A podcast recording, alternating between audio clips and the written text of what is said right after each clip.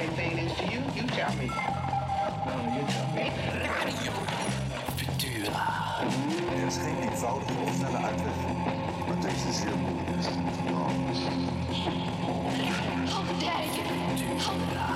Our military has to be strengthened. Ik denk de theaterbeleving is op deze manier gewoon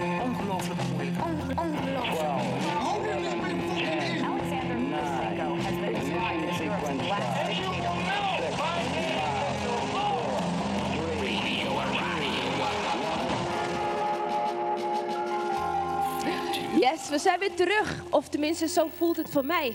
Heel lang weg geweest. Maar ik ben blij om hier te zijn. Ook al is het regenachtig buiten. Ik bedoel, wegspoelen van alles is toch waar we het voor doen. Althans, is het net voor zon. Ik weet helemaal niet of dat zo is. In ieder geval, welkom bij Radio Futura. Actieradio over kunst en de wereld. Mijn naam is nog steeds Dionne Verwij. En ik ben je host voor vanavond. Voor vanavond. Want soms is Gian van Grunsven hier ook heel goed. Maar vandaag ben ik er in Frascati. En Gian en ik maken elke woensdag, donderdag en vrijdag radio hier vanuit Frascati 3 in Amsterdam. En naast dat je ons kan horen, kan je ons ook zien via de livestream. Daar hangt een webcam. We gaan even zwaaien. Na 30 seconden zie je ons zwaaien. en eh, voor de mensen die denken, waar zwaait ze naartoe? Ik zal een link opnoemen. Het is namelijk frascatitheater.nl slash Radio Futura 2020. Ik herhaal, Theater Frascati, nee, frascatitheater.nl slash Radio Futura 2020. Maar wil je ons live, live zien? Ik weet dat het onmogelijk lijkt, maar het kan. We hebben nog een aantal stoelen. Je moet gewoon even naar de, de Nes komen in Amsterdam. Ergens ten hoogte van nummer 63. In een steegje heb je een grote donkergroene zware branddeur. Daar mag je op kloppen. Twee keer hard, één keer zacht. Zing een lied, doe een pirouette en ik doe de deur voor je open. Of iemand anders die hier zit, want we hebben bijna een volle bak. Niet helemaal vol. Voor de helft vol, maar het is gezellig. Ehm, als je toch wil bellen, omdat het je net iets veiliger doet voelen, want je weet corona, dat kan op 0648680287. Ik herhaal 0648 680287. Ik kijk eigenlijk even snel naar mijn producent. Dat is de juiste, toch? Yes! Want ik heb het een aantal keer helemaal niet goed zeggen. Dat is echt heel erg zonde. Je mag ook een appje sturen als je denkt, nou goed gedaan. Of leuk, je doet het leuk. Dan mag het ook. Maar vooral voor de vragen. Het gaat om vragen stellen. Eh, je mag ook plaatsnemen. Er zijn een aantal mensen aanwezig. Weet dat er een LP-speler is. En we hebben een aantal LP's. Voor hen die niet weten wat dat is, loop er even naartoe. Want ik zie 2000... Ja, we zijn millennials hier. Ja, we hebben ook millennials. We zijn intergenerationeel. Ehm, ik ga je straks vertellen wie hier allemaal zijn. Eh, we zijn gezellig. Maar we doen alles op anderhalf meter afstand. Radio Futura, Radio Futura. Zo, wat gebeurt er deze week? It's Taking Over. Dus Radio Futura versus It's Festival. Ken je dat nog? It's Festival? Of was het heel lang geleden dat je dat live hebt meegemaakt? Valt mee, toch? Nou, ik kijk eigenlijk naar Melissa. Die kijkt aan. jaar? Anderhalf jaar. Ik vind dat lang. Ja. Ik mis het. We gaan vandaag met de nieuwste generatie afstudeerders ehm, praten. Maar niet alleen de nieuwe generatie afstudeerders, ook een aantal afdelingshoofden van een aantal academies. Super spannend. Had ik deze kans maar toen ik student was. Ja, ik ben een beetje jaloers.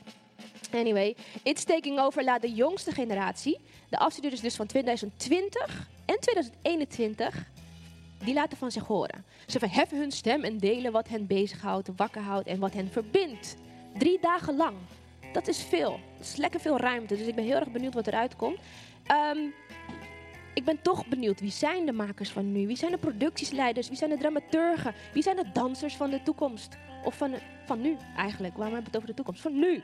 Wie, wie willen er nu wat van zichzelf laten horen? Want als je een toneelschrijver nodig hebt, een theaterdocent, een scenograaf, een educatiemaker. In ieder geval iets voor je project. Waar moet je heen als iets festival zoals we die kenden uitvalt? Dat is toch zonde? We zijn inderdaad ehm, niet alleen. We. Ik ben niet alleen. Ik heb eh, een paar mensen om me heen in de anderhalf meter setting. Eh, ik zal ze even opnoemen, want rechts van mij zit Melissa Knollenburg. En die doet de HKU Writing for Performance. Hallo Melissa. Hallo. Hi. Dat klopt, ik eh, ben Melissa. eh, ik ben aan het afstuderen van Writing for Performance. Ja. Ja. Ik heb eigenlijk alles al gezegd. Ja. Ja. Nou, maar ik ben wel benieuwd wat je bezighoudt. Ja, waarom we hier zitten. Want naast jou zit iemand die aan de tand gaat voelen, onder andere. En zijn naam is Ernst Bragges. Ja. Hallo, Hi Ernst. Van welke opleiding ben jij? ik ben hoofd van de toneelschool in Arnhem. De Artes Toneelschool. Van de acteursopleiding. Van de acteursopleiding van Artes. Ja. ja. Artes heeft dansopleidingen, een docenttheateropleiding. Cormac komt zo aan het woord. En eh, een toneelschool. Gezelligheid. Artes in Arnhem. En naast Ernst zit Cormac Burmania. Burmania. Nou, die eerste was vond ik eigenlijk best mooi. Ja. ja, ja. Ehm, ja, mijn naam is dus Cormac en ik ben hoofd van de opleiding docent theater in Arnhem. Ook Arnhem. Ja, Represent Arnhem. En eh, naast jou? Ja, zit een student van die opleiding. Ja, dag. Hebben we alleen maar Arnhem aan tafel? Nee, en Utrecht. Utrecht. Oké. En in de lucht zijn er meerdere. Ja, ja, ja.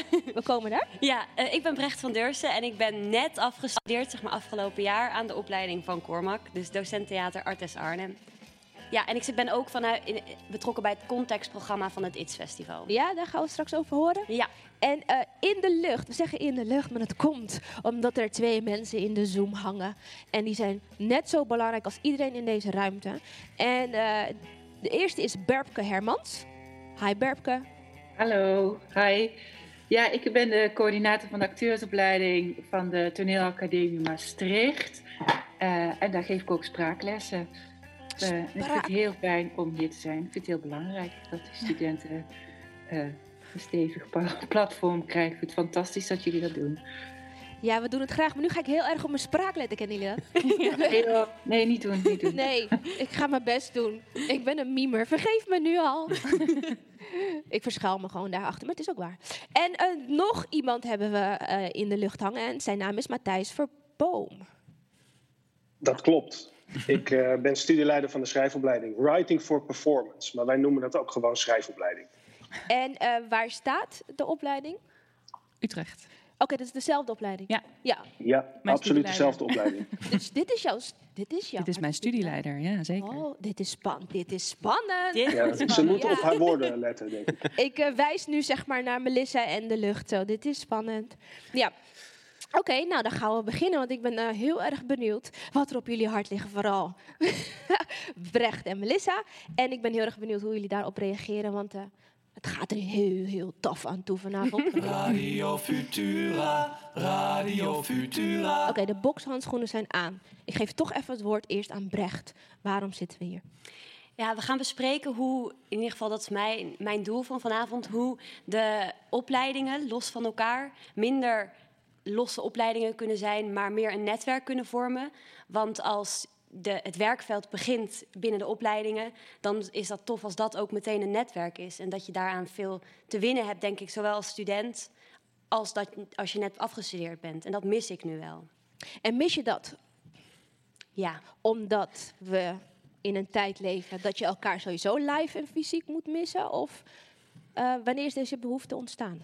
Ja, ik denk dat de behoefte, die is eigenlijk ge- gesignaleerd door de corona wel. We hebben begin dit jaar, eh, in maart, toen de eerste lockdown kwam, of begin april, is het geïnitieerd en uiteindelijk is het later gepubliceerd.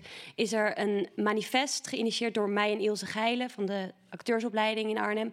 En wij merkten dat we eigenlijk onze, onze stem, de stem van de afstudeerders, wilden laten horen in, het, in dat moment. En toen hebben we dachten wij, heel veel mensen benaderd, alle geprobeerd alle opleidingen daarbij te krijgen, zodat onze lichting een stem kon laten horen. En toen bleek na de publicatie daarvan dat we eigenlijk helemaal niet alle opleidingen bereikt hadden. En dat we ons daar helemaal niet bewust van zijn geweest. En in eerste instantie dachten wij, oh shit, wat stom van onszelf. Dat, dat trokken we onszelf heel erg aan. Dachten we, oh, we hebben een fout gemaakt. Maar toen eigenlijk, hoe meer we daarover gingen praten, hoe meer we erachter kwamen dat het niet een fout is die alleen Ilse en ik hebben gemaakt. Maar dat het iets is wat in, het, in de opleidingen zit. En dat het iets is wat groter is dan alleen maar twee mensen die heel veel mensen zijn vergeten. Maar ook iets is wat in een soort ja, systeem zit binnen de opleidingen. En daar willen we het eigenlijk met de opleidingen over hebben. Maar hoe ziet het systeem er dan uit? Wat bedoel je met het systeem? Ja, goede vraag. Nou, in het is misschien ook belangrijk om te benoemen dat, er, dat, dat de mensen die vergeten zijn, die hebben dat heel hard laten horen eigenlijk. En die zeiden, nou ja, Melissa is daar één iemand van. Dus misschien kan jij beter zeggen wat, wat Melissa, wat, wat zei je? wat antwoordde jij Brecht? Hallo? Hallo. Nou, we hebben inderdaad voortbordurend op het eerste manifest van Brecht en Ilse een, een soort tweede manifest geschreven. Ook als reactie op alle open brieven die in die weken op uh, Theaterkrant uh, uh, gepubliceerd werden. En ik denk dat wat het vooral duidelijk maakte is dat er een soort rangorde of een hiërarchie in de opleidingen zit en in het werkveld zit, waar we ons ineens bewust van werden. Hiërarchie in de opleiding? Mm -hmm. In hoe verschillende opleidingen zich tot elkaar verhouden. Um, welke opleidingen zichtbaar zijn en welke minder. Uh, en ook vooral hoe we dus voor elkaar zichtbaar zijn. Ja. En hoe makkelijk het is om een gesprek met elkaar aan te gaan als je elkaar niet kent. Dat is dan. Uh... Hoe makkelijk het wel is. Ja, nou ja, eigenlijk is dat de vraag. Ja. Hoe dat makkelijker gemaakt kan worden. Mm -hmm. En dat is ook een beetje de vraag wat je richting opleidingshoofden wil slingeren. Ja. Naar hun hoofd. Ja, eigenlijk willen we ze mede-eigenaar maken van dit wat wij hebben gesignaleerd. Maar ik ben nu weg daar, zeg maar. Dus ik ben nu in het werkveld. Jij bent afgestudeerd? Ja, en Melissa zit er nu nog kort, zeg maar. Dus bijna afgestudeerd. Maar er komen nog, als het goed is, heel veel lichtingen aan. En ik denk, vooral doordat nu zo, zo het ITS Festival niet meer door kon gaan zoals het altijd al was... Buiten dat het ITS Festival natuurlijk ook maar een deel van de, van de opleidingen representeert of laat zien. Uh, maar toen konden we elkaar nog ontmoeten daar, real life. En dat is nu veel veel verspreider. En ineens met het wegvallen daarvan kwamen wij ja, erachter hoe groot onze behoefte tot contact is. En met wie studeren wij nou eigenlijk af? Lichting denken, dat is een woord wat ik heb gehoord. Ja. Vertel, wat bedoel je daarmee? Nou, dat we eigenlijk stoppen met opleidingsdenken. Dat je dus nou ja, dat je de, mensen achter de opleidingen leert kennen. En dat je dus als een lichting, als een netwerk afstudeert. In plaats van dat je alleen je eigen opleiding kent en dan toevallig misschien locatiegebonden. Nou ja, dat Maastricht, mensen die van Maastricht afstuderen, de mensen van de andere opleidingen van Maastricht kennen. Maar dat je breder gaat dan dat alleen. En dat betekent niet dat je elkaars ja, dat je ook met de hele tijd met elkaar moet samenwerken. Of, of dat je allemaal hetzelfde moet gaan doen. Maar dat je in je eigen expertise blijft staan. Maar wel weet wie er zijn. Wie zijn de gezichten achter de opleiding. Ja. Wat is dan je eerste vurige vraag aan uh, deze hele toffe mensen hier? Nou, eigenlijk ben ik gewoon benieuwd hoe ervaren jullie. Hoe ervaren jullie die verhoudingen? Is dat iets wat onder studenten alleen leeft? Of is dat eigenlijk iets wat zich ook op die hogere laag, als ik het even zo mag noemen, mm. zich begeeft? Of dat het probleem eigenlijk ook gesignaleerd is bij jullie. Of dat het misschien geen probleem is. Aan wie deze? Eer? Uh, nou, Ernst. Ernst. Ja, dat is goed. Um, nee, ik denk, dat het, ik denk dat je voor een deel signaleert wat we als hoofdopleiding of directeuren ook signaleren. Er zijn een aantal scholen met natuurlijk meerdere opleidingen in hun portefeuille, zeg maar, zoals Maastricht, Amsterdam, Utrecht. Arnhem is wat smaller daarin. Uh, en al die opleidingen hebben inderdaad de neiging om hun eigen studenten binnen een eigen pad op te leiden. En bij sommige opleidingen is er gelukkig veel, bij sommige hogescholen is er veel samenwerking tussen de, de opleidingen. Dat is enorm gegroeid. Toen ik zelf op de regieopleiding zat uh, voor de Eerste Golfoorlog, toen was dat, uh, was dat uh, nog niet aan de hand. Toen was de regieopleiding was echt nog helemaal apart van de acteursopleiding in Amsterdam. Dus dat is, daar is al zijn enorme stappen gezet, gelukkig. Um, maar ik ben het met je eens dat dat, ik vind dat lichtingdenken zelf een heel goed idee. Wij zijn voor de coronacrisis in Arnhem op een gegeven moment gestopt met het maken van uh, klassikale afstudeervoorstellingen. En dat had mede daarmee te maken. Ik vond het iets uh, een fantastisch festival, maar ik vond het heel jammer dat je dus inderdaad daar een soort showcase kreeg van een afstudeerklas. Die een voorstelling maakt die eigenlijk alleen daar te zien is en dan verdampt. Uh, van een gezelschap wat door toeval bij elkaar is gekomen vier jaar daarvoor. Waarvan de noodzaak en de behoefte om samen te werken misschien helemaal niet zo groot is. Dus toen hebben we gezegd, we moeten eigenlijk terug en we moeten zorgen dat de mensen die afstuderen iets maken wat ze zelf belangrijk vinden. Dat kan ook een showcase zijn, maar kies er dan voor. Het kan ook zelf, uh, zelfgemaakt werk zijn. En dat presenteer je altijd in samenwerking met een partner in het werkveld. Dus dat kan uh, DOC zijn, hebben we gehad. Oostpol heeft meegewerkt. Uh, Zaal 3, John de Weert, meegewerkt. Dus dan komen daar producties uit afstudiewerk. Dan staan mensen in het werkveld. En nu komt het lichtingdenkenverhaal, wat ik heel belangrijk vond, was dat mensen ook konden werken met studenten van andere scholen. Dus dat je, dat je voorstellingen kreeg, niet met Arnhemse studenten alleen, maar met studenten, wat dus ook gebeurd is van de toneelschool in Utrecht, uh, van Amsterdam, van de Miemschool, van Maastricht, in één, uh, in één voorstelling. En Arnhem natuurlijk uiteraard. was een productie waar Oostpol uitkwam. Tweede productie ook met mensen van Amsterdam en Arnhem, die in Den Haag bij Zaal 3 is uitgekomen.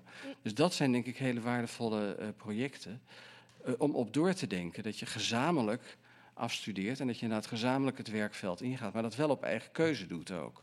Mm. Dus dat je niet door allerlei formats van scholen weer gedwongen wordt tot allerlei samenwerkingen. Maar dat je inderdaad zorgt dat de netwerken die de meeste studenten al hebben, want mensen hebben samen op vooropleidingen gezeten, of zijn honderd jaar sociale media vrienden van, van Hives tot, uh, laten we zeggen, TikTok. Mm -hmm. Dus uh, de, de, de, die relaties zijn er eigenlijk wel, maar dat, dat, uh, dat moet je zelf ook weer gaan aanspreken. Maar wat voor die, die samenwerkingen die aan zijn gegaan, zijn dat ook interopleidings, zeg maar, tussen opleidingen? Of zijn dat alleen acteurs die met elkaar hebben samengewerkt van verschillende Mimers, scholen? acteurs, uh, uh, mensen van techniek en regieopleiding. Mm -hmm. Dus verschillende mensen door elkaar. Verschillende opleidingen, sorry, door elkaar. Studenten van verschillende opleidingen. Ja, wat even Het is niet alleen maar acteursopleidingen. Ja, precies. Want uh, ik, ik snap dat je deze vraag stelt. Want een stapje terug. Jij had het over um, nou ja, een soort rangorde binnen opleidingen. Heb jij het idee dat een aantal opleidingen net iets meer voorgetrokken worden dan andere opleidingen? Nou, ik denk wel dat het uh, zo is dat we uh, sneller als schrijvers bijvoorbeeld makkelijk in contact komen met de regieopleiding Amsterdam, omdat daar een samenwerking tussen is. Uh, en dat er een soort vanzelfsprekendheid is dat die samenwerkingen er zijn. En dat ik daar helemaal nog niet over na heb gedacht, bijvoorbeeld met de productieopleiding. Dus dat het in het onderwijs ingebed is dat sommige opleidingen samenwerken en dat er daarnaast eigenlijk weinig tijd is gewoon en weinig ruimte om die samenwerkingen soms aan te gaan. Um, dus in die zin een, een onbewuste rangorde misschien in hoe je je verhoudt tot andere studenten en functies ook binnen die opleidingen. Ja, en ik ben eigenlijk benieuwd hoe het eraan toe gaat in Maastricht, Perpke. Want um, voor zover ik me kan herinneren, toen ik nog op school zat, um, was er geen uh, bijvoorbeeld productieopleiding in Maastricht. Is dat nu veranderd? Nee, er zit geen produ productieopleiding in Maastricht. Uh, st studenten doen heel veel zelf als het, uh, als het daar, uh, daarop aankomt bij ons. Um, ik denk dat over het algemeen dat Ernst Eck al, best um, veel benoemd heeft. Kijk, we hebben binnen de academie vier dagopleidingen waar, waar veel samenwerking tussen is, georganiseerd en ongeorganiseerd. Um, dat laatste, dat benadrukte Ernst ook al, dat, dat heeft de voorkeur.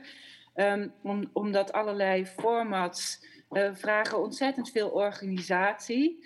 Um, en uh, dat doe je graag, uh, maar je, je, je moet toch een beetje de balans vinden tussen uh, hoeveel ruimte blijft er over dan om echt te maken en te werken. Um, ik heb ook lang in het kernteam van de regieopleiding gezeten. Daar uh, heb ik Cormac ontmoet, uh, die toen uh, de, de MBO-theaterschool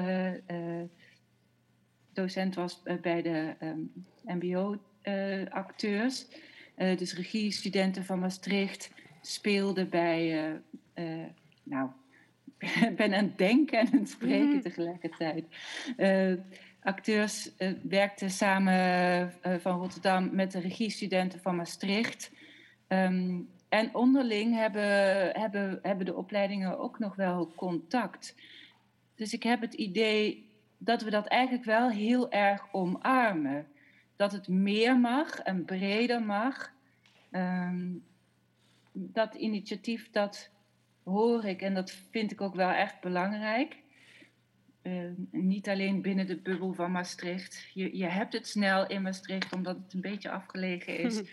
uh, dat je dan elkaar opzoekt daarbinnen.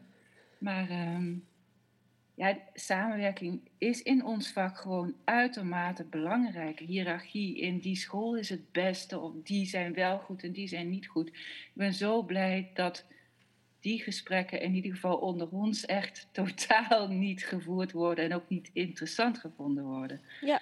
Um, ja, er wordt een beetje gegrinnikt. Je mag ook wat zeggen hoor. Als je dat uh, wil, mag je gewoon onderbreken, op de rode knop drukken en uh, de microfoon lopen. Hij is coronaproof. Dat mag je. um, want in hoeverre, ik heb gewoon een vraag, maar onderbreek mij hè, als je dat mm -hmm. uh, nodig vindt. En ik wijs even naar Brecht en Melissa. worden, hebben de afdelingshoofden contact met elkaar? Hoe vaak doen jullie dat? Gaan jullie zoomen met elkaar bijvoorbeeld en praten over hoe de opleidingen, waar de opleidingen elkaar raken, wat de gedeelde waarden zijn, hoe we jullie elkaar kunnen. Ik kijk gewoon heel streng nu naar Ernst en Cormac. maar eh, Matthijs, je mag ook een, eh, antwoorden ja, hoor. Er is, een, er is een, tussen de hoofd van de toneelschool is een onregelmatig... Oh, ben ik in de microfoon? Iets meer in de microfoon, Oh, sorry, ja.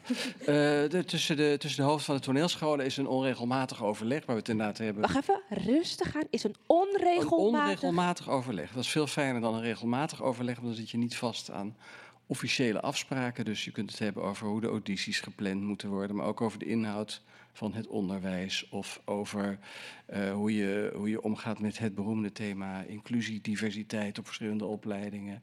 Eh, we, hebben het, eh, we hebben het nog meer over. Berpke, help mij. Het zijn, eh, zeker die coronatijd, hebben we een aantal keer gewoon gesprek gehad. projecten. Ja, de, Ja. coro- de coronatijd heeft ons allemaal eh, Nog veel heel erg in de denkmodus gezet. Hè? Ja. Eh, maar gezamenlijke projecten, mogelijk gezamenlijke projecten. Of we hebben een, een, een project waar, waar nog studenten bij kunnen. Ehm, ja, dat soort dingen. Als we het hebben, dan, dan leggen we het aan elkaar voor. Ja.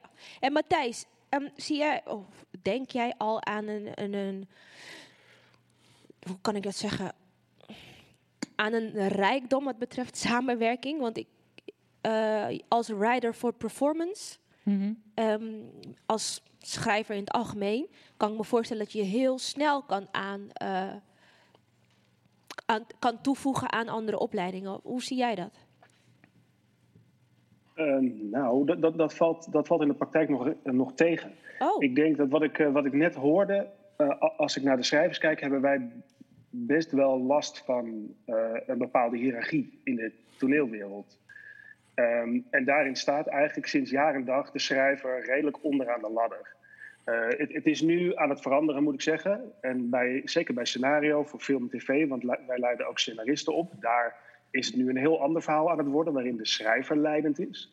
Maar in de theaterwereld is de schrijver vaak nog dienstbaar. Dus de, de regisseur of de, de maker staat boven de schrijver vaak. En daar heb ik eigenlijk, zolang als ik op deze opleiding eh, werk, heb ik daar last van gehad. En de keuzes voor samenwerkingen zijn dus ook eigenlijk tactische keuzes. Dus wij hebben gezegd, wij moeten met die regieopleiding gaan samenwerken. Want, want zij zijn heel trots dat zij regisseurs opleiden voor de grote zaal. Maar die regisseurs die op die opleiding zitten, die, die werken alleen maar met dode schrijvers. Snap je? Dus die gaan van Shakespeare naar Beckett. Dus wij moeten gewoon een project bedenken dat zij met levende schrijvers moeten gaan samenwerken. En niet alleen dat de, eh, dat de tekst hun overhandigd wordt, zo van hier is de tekst, ga lekker repeteren joh. Maar dat ze dus betrokken zijn bij het schrijfproces en moeten gaan meedenken en een gedeelde verantwoordelijkheid hebben. En dat, dat levert heel veel gedoe op. Dus de regisseurs vinden dat in de regel vreselijk, want dat zijn de zonnekoningen. Eh, in de positieve eh, zin bedoel ik dan. Ze zijn vaak ook heel goed, maar ze zijn gewend gewoon bovenaan op die apenrots te staan. En ze moeten nu opeens op een min of meer gelijkwaardige wijze met schrijvers samenwerken. Dus dat levert heel veel ruzie op en vechten en huilen en ook heel veel geluk. Maar het is een essentiële samenwerking om te laten zien dat schrijvers mensen zijn en gelijkwaardig en een grote inhoud en passie met zich meebrengen. Dus op die manier maken we eigenlijk tactische keuzes om de hiërarchie te bestrijden.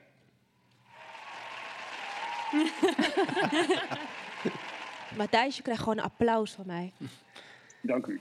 Nou, dat doe ik omdat ik nou, ergens nooit. Oké, ik ga niet het excuusje mimer gebruiken, maar in principe denk je bijna nooit na aan de schrijversopleiding als je begint aan een performance. En eh, we, theatercultuur in Nederland is ook, wordt niet altijd gedragen door de schrijver zelf. In Amerika heb je dat heel erg. Dan zijn de sch- de schrijvers volgens mij nog boven de, de directors, als ik het zo eh, goed heb. En ehm, begint een, een goed verhaal bij de pen. En hier hebben we een theatercultuur waar dat niet zo is.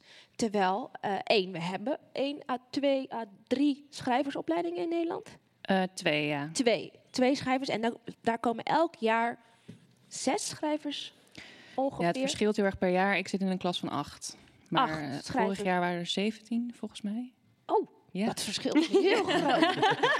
oh, wagwan. Maar we het, elk jaar worden er 16 nieuw aangenomen. Kijk, en eh, toch moeten we wat doen aan de imago van, eh, van die schrijvers, vind ik. Matthijs, het is niet om te slijmen, hè? Maar ik zeg het gewoon echt met alle oprechtheid. Maar hoe kunnen, wat kunnen we daaraan doen? Want ik bedoel, je hebt elkaar nodig, toch? Of niet? Ja, ik denk het wel. Maar ik denk ook dat het beeld van de schrijver dat, dat jij nu eh, beschrijft, dat dat niet helemaal klopt. Oh. Dus wij leiden niet klassieke toneelschrijvers op die aan hun tafel gaan zitten en, en een, een prachtig meesterwerk schrijven en het dan overhandigen aan de, aan de makers. Eh, de schrijvers die wij opleiden, en dat is opnieuw een tactische keuze. Dat zijn zelfmakers, dat zijn medemakers. Dat, eh, die hebben een grote dramaturgische kwaliteit. Dus die kun je eigenlijk, als jij Mieber bent, kun je zeggen: ik ga een schrijver meenemen, want die gaat met mij nadenken over de tekst, over het narratief, over de dramaturgie van mijn voorstelling. Dus eigenlijk eh, leveren we schrijvers af die heel divers zijn en die op heel veel manieren ingezet kunnen worden. Dus Zie, dit maar is daar mijn gaat het al. Dus mijn idee is al helemaal misvormd. Misschien omdat ik die kennismaking echt heb gemist ook. In, nou, ik, ik ben uit Lichting 2012 trouwens. Maar ik kan me gewoon heel goed voorstellen dat als wij het één niet weten hoeveel schrijversopleidingen er zijn überhaupt, ook niet weten wat het curriculum is en wat we daaruit kunnen halen. Dus waar moet die kennis vandaan komen? Hoe komen we hierachter zonder dat we wisten dat we deze behoefte hadden? Ik vraag dit aan Nou, volgens mij ligt gewoon een taak van ons. Mhm. Niet alleen van, eh, van de, dus ik bedoel, ik vind het een fantastisch initiatief. Eh, het is heel goed dat, eh, dat dit nu op tafel ligt. Ehm, er is beweging, dat horen we ook in dit gesprek. Hè? Dus eh, we zitten in een begin van een transitie als het gaat over hoe we onszelf als werkveld definiëren en bekijken. Eh, maar eh, er is een hiërarchisch probleem. Er is, zijn veel vooroordelen over elkaars vakken. En hoe kijken we daarnaar? Ehm, dus het ging net even over de schrijvers. Ditzelfde geldt ook voor de theaterdocent. Ja, en, en het werk wat er gedaan wordt op de vloer. En de verbinding met het publiek. En de relatie die, die, dat, die dat heeft. En ook daar eh, zit eh, dramaturgische kennis, eh, zitten kunstenaars die, die andere vormen zoeken om in interactie te komen met publiek. En dat de betekenis van het werk van ons veld zichtbaar wordt en verder expliciteert. Ehm, dat zijn allemaal dingen die we niet goed van elkaar weten. En een, een ITS-festival is daar te laat voor. Als je, te zeg maar, dat, dan krijg je dat ook niet meer voor elkaar. Dat, Nee. Het ITS-festival is het feestje, is de kerst op de taart, waarin je elkaar, eh, eh, eh, nou, dat je zo'n lichting kan vieren. Ja. Dat is te gek natuurlijk. Deel van die lichting. Ja, nou, dat, dat, dat, dat, nog. absoluut, dat ook nog. Dus het, Ja. zou de, het zou de volledige lichting moeten Mhm. zijn. Daar ben ik een groot voorstander van. Dus dat het vak en de, de sector centraal staat en niet ehm, eh, de, de, de concurrentie tussen de verschillende scholen, waar, waar Ernst bijvoorbeeld net ook over had, van wie heeft de beste afstudeervoorstelling van welke school. Ja. Ehm, en ehm, dit zit zo verweven in de cultuur van, eh, eh, eh, van, van daarvoor, zeg maar, eh, dat, eh, dat dat ook een, ehm, niet een proces is die je eventjes, eventjes omdraait. Maar waar moet dat proces beginnen, denk je dan? Oké, dit is een hartstikke goede vraag van jou, Brecht. Dat gaan we zo beantwoorden. We gaan even naar de, naar de muziek. Oh. oh, wacht, we hebben een interruptie. We gaan helemaal niet naar de muziekje. We gaan meteen luisteren naar wat er gezegd wordt. Ja, want als ik het zo, als ik het zo hoor, dan eh, zeg je, moet het eigenlijk omdraaien. En dan zou ik bijna denken, eh, waarom is er niet zoiets aan het begin van alle lichtingen? Zeg maar een soort van iets aan het begin van het jaar. eh, in plaats van aan het einde. Of hè, een soort van ontmoetingsfeest aan het begin, waarin een soort van crossmediale samenwerkingen zijn. En waarin er dan een soort van ontmoetingen is tussen de opleiding en vervolgens dat je dat aan het einde ook zou kunnen vieren. Maar dat het niet in het einde, wat je zegt, is eigenlijk te laat. Het is wel, je gaat er zo uit, maar er kan ook ergens een begin zijn. Mag ik even je naam? Jamila. Ja, dan is het ook gewoon fijn met wie we. Ja, Jamila die, eh, die zat in de ruimte. Dit zeg ik even voor. of in de ruimte. Voor Berpke en eh, Matthijs. Die is opgestaan en die heeft een vraag gesteld. Jullie hebben hem gehoord, toch? We gaan daar verder op in. Ik wil toch nog even de lucht bewaren, want nu wordt het heet. Nu wordt het spannend. Nu gaan we het horen, ook van de afdelingshoofden. Waarom? Waarom is de kennismaking niet vooraf? En waarom achteraf? En wat kunnen we daaraan doen? Ik ben benieuwd. We gaan dus luisteren. Ja, we gaan dus luisteren. Goed zo. We gaan dus luisteren naar William One Year Bor. Eh, Matthijs, dit was eh, een verzoekje van jou, toch of niet? Absoluut, fantastische muziek. Lekker dansen. het heet Fantastic Man, dus eh, deze is voor jou.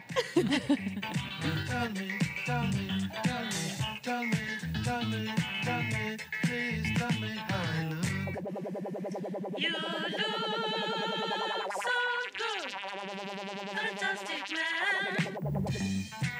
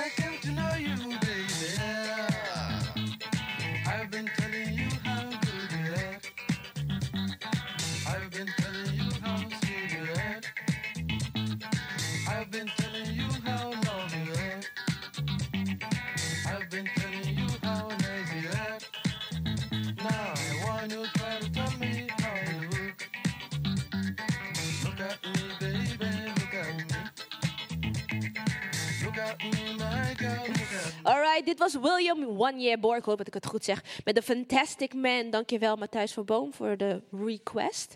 Waar zijn we gebleven? Ik denk toch hier in Frascati 3. Radio Futura, Radio Futura. Ondertussen word ik een beetje uitgelachen. Ik weet ook niet beter. Ehm, ja, toch. We zitten gewoon nog steeds in de, in de NES. En eh, aan tafel hebben we een aantal toppers. Ik heb rechts eh, Melissa Knollenburg, HKU, Writing for Performance. Ik heb eh, links Brecht van Deursen. Artist, docent theater heeft zij gedaan. Het is trouwens It's Festival versus Radio Futura. Laat dat even duidelijk zijn. Tegenover mij heb ik een afdelingshoofd. Kan ik het zo noemen? Afdelingshoofd? Dat is prima. Ja, toch? Cormac Burmania. Eh, hij is eh, hoofdopleiding docent theater. Het maakt hem niet uit, maar dat mag ik toch... Ja, dat is ook leuk om het allebei... Oh, het is gewoon altijd zingend. En eh, rechts voor me heb ik Ernst Brachts. In de lucht... Oh nee, Ernst, sorry, je bent de hoofdacteursopleiding van Artest. In de lucht, en dat is via de Zoom, hebben we twee, twee andere hoofdopleidingshoofden. Berbke Hermans en Matthijs Verboom. En Berbke die, is actief, of die werkt in Maastricht. En Matthijs die werkt ook in Arnhem. Nee. Utrecht. Eh, Utrecht. Ik zei ook in Utrecht. Dat is de afdelingshoofd van Melissa Knollenburg. Ehm, net werd een hele scherpe vraag gesteld. Of tenminste, mag ik het herhalen, Jamila? Nou ja, ik ga het proberen samen te vatten. Jamila vond, hoezo wordt er niet vooraf, misschien in je eerste jaar, een moment gevormd waarbij we elkaar ontmoeten, zowel de academies als de opleidingen, zodat we weten wat we doen en wie wat doet en wie waarvoor opgeleid wordt. Welke expertises hebben we in het huis? En met huis bedoel ik eigenlijk heel theaterland in Nederland. Toch? Want het gaat niet alleen over Maastricht, Arnhem, eh, Amsterdam, Utrecht. En trouwens hebben we ook nog Zwolle, we hebben ook Tilburg. We hebben best wel veel, toch? Ehm, waarom kennen we elkaar niet? En ervaren jullie dat ook? En hebben jullie daar ooit al een, ja, iets mee gedaan? Of hebben jullie daar... Signaleren jullie dezelfde problemen tussen, Bunny Ears? Eh Cormac. Ehm, naar binnen eh, eh, de verschillende opleidingen van docent theater is er wel degelijk een beweging op gang. Dat je in het derde jaar elkaar ontmoet. Dus niet in het eerste jaar, maar in het derde jaar georganiseerd bij elkaar komt. Ehm, En wie, is, eh, wie komt er allemaal bij elkaar dan? Dat zijn alle derdejaars studenten van eh, theaterdocent Amsterdam, Utrecht, Tilburg, Leeuwarden, Zwolle, Arnhem. En eh, ook de verkortopleiding van Maastricht wordt daar ook altijd voor uitgenodigd. Maar is er niet altijd bij, omdat dat vaak een andere groep studenten is. Omdat dat meestal volwassenen zijn al. Ja. En is dat voor jou op tijd? Ehm, nee, zeker naar aanleiding van wat ik nu hoor hier, eh, eh, is dat niet op tijd. Nee. Dat is duidelijk. Ja. Ik denk ook niet dat je het meteen in de eerste week van het eerste jaar moet doen. Want je moet eerst ook weten zeg maar, waar, je, waar je bij hoort. En eh, wat je discipline is en hoe je dat kent. Ehm, dat kan ik ook zeggen omdat wij ook samenwerkingen hebben binnen Artes, binnen de docentenopleidingen. Mhm. Dus dat is met beeldend en met muziek en met dans. Ehm, en ehm, dat zijn eh, samenwerkingen die ook niet meteen van, aan het begin van start moeten. Omdat je dan eerst heb je je, je eigen discipline of je eigen werk eh, te onderzoeken. Voordat je zeg maar, daarover echt goed in interactie kan komen. Ja. Want het is natuurlijk eh, niet ons doel als opleiding dat je een leuke vriendenclub wordt met elkaar. Het gaat Mhm. ook over dat vak. Dus het vak moet ook uitgewisseld worden. En Zeker. dat kan wel eerder dan in het derde jaar of in het vierde jaar. Maar ehm, eh, want nu hebben jullie een, een ontmoeting tussen alle docenten. Ja. Docent theater. Eh, hebben jullie dan ook, want in Amsterdam weet ik dat er een hele technische kant is nog. Hè? OPP, eh, OTT, heet het zo? Design en technologie, scenografie. Dat zijn allemaal hele technische eh, vakken die docenten, maar ook mimers en ook acteurs en regisseur ook nodig hebben. Ehm Berbke, welke, ik kan me voorstellen dat naast geografisch het ook lastig is om dit soort opleidingen te bereiken. Of hebben jullie daar minder behoefte aan? Ik, ik, nee, ik doe een aanname nu. Eh, we hebben ehm, in ieder geval wel een samenwerking met de MBO-opleiding Podiumtechniek, eh, die, die eh, in Heerlen zit, eh, dus die, die wat dichterbij zit. Ehm, ik, ik, vind, al- ik vind heel interessante eh, vragen. En ik, ik ben eigenlijk aan het denken. Ergens zie ik best veel eh, mensen kom ik tegen in de afgelopen jaren binnen de academie. Van allerlei eh, scholen, eh, richtingen, opleidingen. Die onze studenten zelf opgezocht hebben. Omdat ze daar graag mee samen wilden werken met, eh, vanuit de regieopleiding met studenten van de HKU. Daar heb ik regelmatig meegemaakt met de schrijfopleiding. Ehm, dus, eh, acteurs die met andere regisseurs willen werken. Ehm, andersom, eh, ze vragen mensen die ze technisch eh, kunnen bijstaan. Dus ik ben eigenlijk ehm, super blij met het ongeorganiseerde wat er nu is. En daarmee brengen de studenten zelf weer nieuwe frisse wind in de school en ontmoet ik mensen eh, van die verschillende opleidingen. Ehm, Dus t- ik vind het eigenlijk ook wel interessant dat het gebeurt vanuit een behoefte of vanuit een plan. En wie daar eerst mee is, is of dat de regisseur is, of dat de schrijver is, of dat het acteur is, of dat het een collectiefje is. eh, ehm, dat maakt mij eigenlijk niet zoveel uit. Dus dat, dat boeit me eigenlijk hoe, hoe de studenten dat organiseren. In de loop van alle jaren. En in het programma van Maastricht is altijd ook wel een, ehm, een dikke maand vrijgeruimd voor studenten om echt eh, zelf die collectieven eh, te maken, op te zoeken, de wereld in te trekken. Ehm, dus dat vind ik eigenlijk heel interessant. Interessanter dan dat wij bedenken. Maastricht moet dus met eh, podiumtechniek ehm, wat, wat verder iets ontwikkelen. Of met productie wat verder ontwikkelen. Dus eigenlijk ehm, vind je de randomness of het feit dat de, de behoefte vanuit de studenten uit belang, nou, hoe zeg ik het? Hoe kan ik het samenvatten? Dus het feit dat het door de studenten zelf wordt geïnitieerd, vind je eigenlijk fijner dan dat je het als afdelingshoofd zou organiseren. Ja, ik, ben, ik, vind het, ik vind het super werken, want het ontstaat nu vanuit een behoefte. En dat, dat faciliteer ik graag. Ja. Maar ik wil even aanhaken hierop, want volgens mij, we hebben het nu steeds over samenwerkingen. En dat gaat dan heel erg over artistiek werk sa- samen maken. En ik vind dat is een heel belangrijk onderdeel van ons vak. Maar tegelijkertijd is de sector breder dan alleen maar samenwerken. En zijn er nu heel veel gesprekken die gevoerd moeten worden, die niet alleen gaan over samen een artistieke voorstelling maken of iets van elkaar nodig hebben, maar gewoon verschillende perspectieven op bepaalde thematieken hebben. Ik heb bijvoorbeeld nu met mensen van podiumtechniek heb, of eh, met productie heb gesproken of met Melissa van de schrijfopleiding. Daar heb ik niet nu samen mee gewerkt, maar we hebben wel ons verhouden tot dezelfde dingen. En we hebben een gesprek gevoerd. En volgens mij in ieder geval pleit ik niet per se voor dat ik de hele tijd ga samenwerken met eh, acteurs uit Maastricht. Want daar word ik helemaal niet voor opgeleid en dat hoef ik ook niet.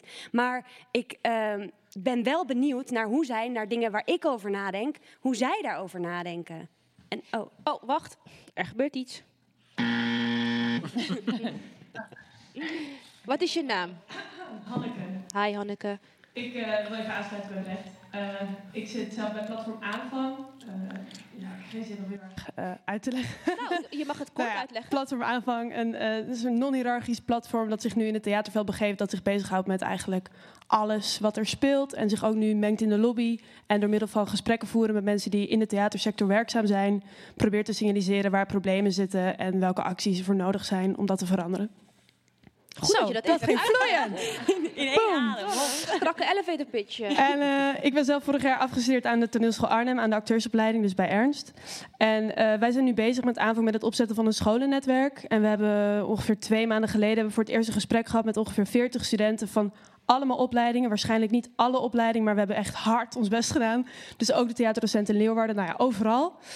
En inderdaad, waar, waar ik me bij aan wil sluiten, is dat eigenlijk als je met hen in gesprek gaat, gaat het niet zozeer over artistieke samenwerking, maar inderdaad vooral, eigenlijk kwamen er drie thema's naar voren. Eh, iedereen is heel bang voor het werkveld. Iedereen vindt dat heel abstract. Eh, iedereen mist inderdaad contact met andere opleidingen, mist het gesprek. Ehm, mensen missen lessen in ondernemerschap en mensen zijn heel erg. ehm, wat? Ja, filosofie. Nou ja, het gaat veel meer over eigenlijk hoe geef je je opleiding vorm. En wat speelt er op die opleiding? En hoe gaat mijn opleiding om met bijvoorbeeld diversiteit, grensoverschrijdend gedrag? En hoe kunnen we eh, van elkaar leren? Dus bijvoorbeeld, ik vind wat Arnhem doet heel inspirerend. En dat deel ik heel graag met andere studenten, om, zodat zij dat weer mee kunnen nemen naar hun opleiding. Dus ik denk dat vooral voor die dingen ook die uitwisseling zo belangrijk is. Heel, heel nice. Ik geef je ook gewoon een applaus.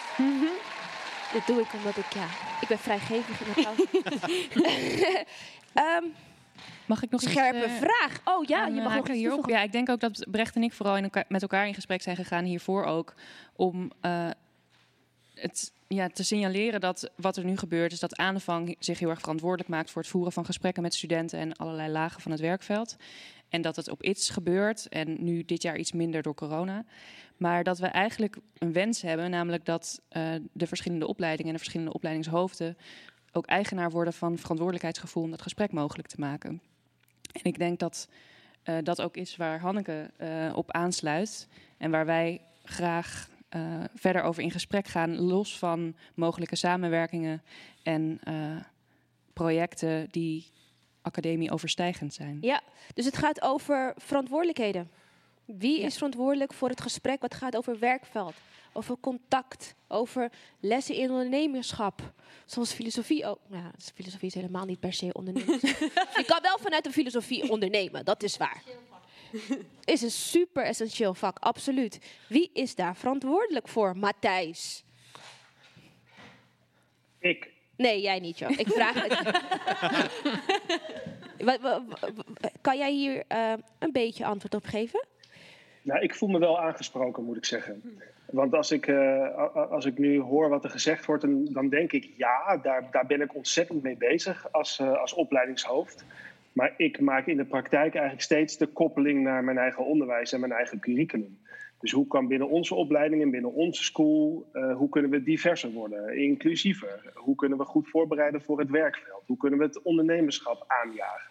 Dus het gaat eigenlijk, het wordt meteen gekoppeld aan ons eigen onderwijs en minder, eh, ik maak minder de stap naar, naar buiten toe een gesprek met andere opleidingen. En dat is denk ik een stukje beroepsdeformatie, dat ik verantwoordelijk ben voor het curriculum en voor een bepaalde kwaliteit van het onderwijs voor de studenten. En dat ik dus in de eerste plaats in gesprek ga met die studenten en de docenten en niet meteen met de rest van het werkveld. Dus daar kan ik denk ik stappen in zetten. Mee eens. Ja, oh, ik, eh, nou nee, niet dat om. Ja, we zijn het met elkaar eens, jongen. Hey, Nee, maar ehm, ik denk wel ja? dat, dat, dat zeg maar, het ook dat je met, bij, dicht bij elkaar bent. Zeg maar, het feit dat eh, de acteursopleiding en de docent theateropleiding met elkaar letterlijk in een kelder onder de grond zitten. En toch nog, nou, dat klinkt heel grimmig en dat is het soms ook. Nee. In, in deze tijd al Het is een heerlijke kelder. Ja, het is een hele enge kelder. Een fantastische kelder. Ja, en er wordt dan gesproken over eigen initiatief en zo. Maar dan denk ik, als ik kijk naar mijn jaar, dan is het eigen initiatief. De enige die daar afgeleverd is, ben ik. Ik ben de enige die in gesprek is met de acteursopleiding, zeg maar. En dat vind ik dan te weinig. En dat is dan niet omdat ik vind dat dat, ehm, dat, dat een samenwerking moet zijn, maar omdat ik vind dat mijn klasgenoten ook iets te zeggen hebben. En de mensen uit de klas van, nou ja, mijn lichting acteurs. En dat we daar veel te weinig over gepraat hebben. Ja. En daar kijk ik jullie even voor aan. Ja, want eh, eh, ja. welke waarden geef je je studenten mee? Wat vind je belangrijk naast het vak, naast het vak inhoudelijk? Wat, wat wordt nog meer meegegeven? Cormac. Ah, ik word hier dwingend aangekeken. Ehm, Ja, ik wilde het ook wel aan eh Nou ja, Berpke vragen hoor. Nee, nee, nee, maar de- de- de- de- degene die dat het beste kan beantwoorden, eh, tenminste wat we meegeven, eh, is, is bijvoorbeeld Brecht. Want Brecht komt, komt uit mijn stal. Of uit de stal van theaterdocent, laat ik het zo zeggen. Het is niet van mij, het is van de studenten. Ehm, wat denk ik, maar als ik zelf antwoord geef daarop, eh, eh, ik vind het eh, belangrijk dat wij contactrijke mensen laten afstuderen. Ja. Die zelfbewust weten welke kwaliteiten ze hebben, die kunnen inzetten, weten hoe ze verder kunnen leren en zich verder kunnen ontwikkelen. Ehm, een, een beginnend netwerk hebben. Ehm, eh, dat zijn allemaal dingen die wij echt belangrijk vinden. En daar zetten jullie ook voor in. Absoluut. Tenminste, dat, dat, wij, wij pogen toe wel. Dat wil niet zeggen dat we altijd overal in slagen wat we, wat we bedenken. Nee. En soms kost het ook enige tijd om ergens te komen waar je wil komen. Ja, maar daar zijn jullie hard mee aan de slag. Denk ik. Ja, we- Contactrijke mensen. Geldt dat ook voor jou, Ernst? Nou, ik nog een klein stukje terug Ja. in het gesprek, als het mag. Ik vind het heel goed dat aanvang is opgericht en ook die, die studentengroep bij aanvang. Ehm, en vervolgens is het grappig dat dus dat gesprek loopt blijkbaar. Dus die mensen komen bij elkaar. En het is, wat zouden jullie willen? Ik vraag het een beetje aan Hanneke aan de zijkant. Wat zouden de scholen moeten doen om dat gesprek verder te brengen in de scholen, maar ook daarna? Dat, ik ben er wel benieuwd naar. Ik herken me wel in wat Matthijs zegt. Je, je, je bent enorm bezig met je eigen navel als school. Dus je bent bezig om curriculum in te richten en iedereen goed te laten afstuderen. En zorgen dat iedereen een stage heeft en de dingen kan doen die hij moet doen. Dus je bent druk bezig met faciliteren van alles. Eh, ik vind het heel goed eh, wat jij zegt, Brecht. Van ja, dat is hartstikke leuk dat jullie allemaal voorstellingen maken. Maar dat gesprek mist. Eh, dus ik denk dat wij daar partners in moeten zijn met aanvang. Mhm. En dat gesprek voor moeten geven. Dus ik ben heel benieuwd hoe jullie erover denken. Wat, wat, moeten we, wat moeten ze doen? Nou ja, kijk, wat wij nu eerst aan het doen zijn, is informatie verzamelen over wat er speelt. En ook een heel groot deel is ook de studenten zelf bewust maken van hun eigen invloed. Dus bijvoorbeeld de studenten bewust maken van de invloed op hun opleiding. En dat ze zich tegen hun eigen opleiding moeten aanbemoeien. En met jullie in gesprek moeten gaan over waar zij behoefte aan hebben. Wij hebben ook zoiets van, wij gaan dat niet voor jullie doen. Wij zijn niet jullie vader, jullie moeder. Jullie moeten zelf die verantwoordelijkheid nemen. En ten tweede, wat denk ik een heel ingewikkeld en grote vraag is, is hoe maak je inderdaad een soort duurzame vorm van contact die niet als een opgelegd ding voelt, niet stoffig wordt, waar niemand heen gaat of waar alleen maar de mensen heen gaan die er toch altijd al zijn. Mhm. Want dat is ook heel erg een ding in de theaterwereld. Er is een groep geëngageerde mensen en dat is die groep. en dat zijn die groep mensen al in het eerste jaar en dat zijn die mensen ook als ze 50 zijn. Ja. Ehm, heb ik antwoord gegeven op de vraag? Nou ja, be- eh, behalve het faciliteren, wat, kunnen, wat kan Ernst, Cormac, Berpke en Matthijs concreet, wat kunnen ze concreet doen? Al- Zoals ik het bekijk, is het nu heel erg aan de studenten. Is het heel erg aan de studenten, althans vanuit hoe ik het zie in dat gesprek ook met aanvang, van er zijn structuren om macht te hebben. We gaan kijken, eh, als student, je kan in allemaal commissies en raden. Doen studenten dat? Werken die commissies? Daar zijn wij nu over in gesprek met hen. Hmm. Zeg maar, kan je met je mentoren praten? Kan je inderdaad met je artistiek leiders in gesprek over je onderwijs? Zo niet, hoe kunnen we ervoor zorgen dat dat wel kan? Dat zijn we nu aan het onderzoeken. Dus vooral vanuit de studenten. Melissa, heb jij een idee dan? Nou, ik denk dat, het, dat aanvang wel een heel goed voorbeeld is om, om van te leren als studieleiders en als studenten. Dus zij hebben het mogelijk gemaakt binnen een hele korte tijd eigenlijk om al die gesprekken te voeren.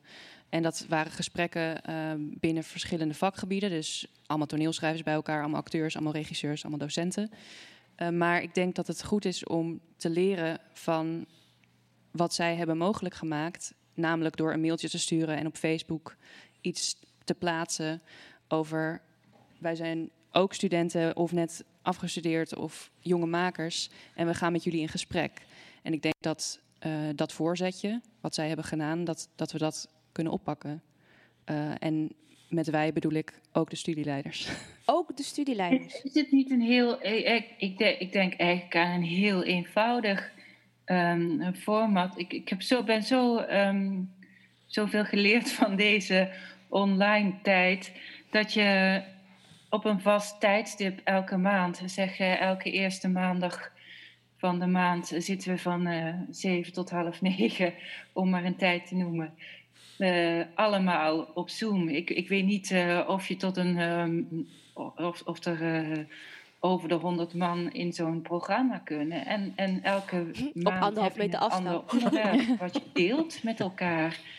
eh, waarin je steeds verschillende mensen aan het woord laat. En eh, studenten, docenten van alle pluimage. Ja, en ik denk dat vooral hier een essentieel is dat het niet een soort. Want ik heb, we hebben op school is er geïnitieerd bij ons de Gathering. Dat was dus de acteursopleiding. Ik weet niet of het er überhaupt nu nog is, maar de acteursopleiding en de docent theateropleiding samen. En het werkte alleen als we ons samen tot hetzelfde verhielden. Als het gewoon samen een film kijken is of samen kletsen, dan wordt het zo vrijblijvend. En is het ook. Ik voel dan de noodzaak ook niet zo, want ik kan thuis ook een film kijken met mijn vrienden, zeg maar. Dus Nee, nee, het zou het om een onderwerp gaan. ja, eh, precies. En een, en een soort gast of zo, waar, waar we allemaal eh, iets van willen. En dat allemaal vanuit onze eigen expertise. Want ik denk dat er, er heel veel mensen zijn die we allemaal interessant vinden... en niet vanuit, dezel- vanuit dezelfde hoek. Want ik kan ook leren van een vraag die een acteur stelt aan een maker... dan een andere klasgenoot, zeg maar. Ja. Zijn er, ehm, kennen jullie het fenomeen safe spaces? Ja? Heeft de school een safe space om in die safe space een aantal vrij moeilijke onderwerpen te kunnen bespreken? In alle veiligheid, omdat het een safe space is? Ja, Ja. Safe space wordt natuurlijk gemaakt door de mensen die, die deel uitmaken van een groep. Mhm. Dus eh, een safe space ontstaat. Je kan moeilijk afspreken dat iets een safe space is. Nee, maar heb jij... Heb we hebben, jij, we hebben want ik- veel momenten in de Ja. opleiding dat je gesprekken voert met elkaar. Eh, we hebben zelfs hele weken daarover dat je, dat je eh, op, op moeilijke onderwerpen, inderdaad lastige vragen, gaat richten. En dat je moderators erbij hebt en gasten uitnodigt. Om, eh, om inderdaad te inspireren en ook om uit te wisselen. Dat is heel belangrijk binnen een opleiding. Hm.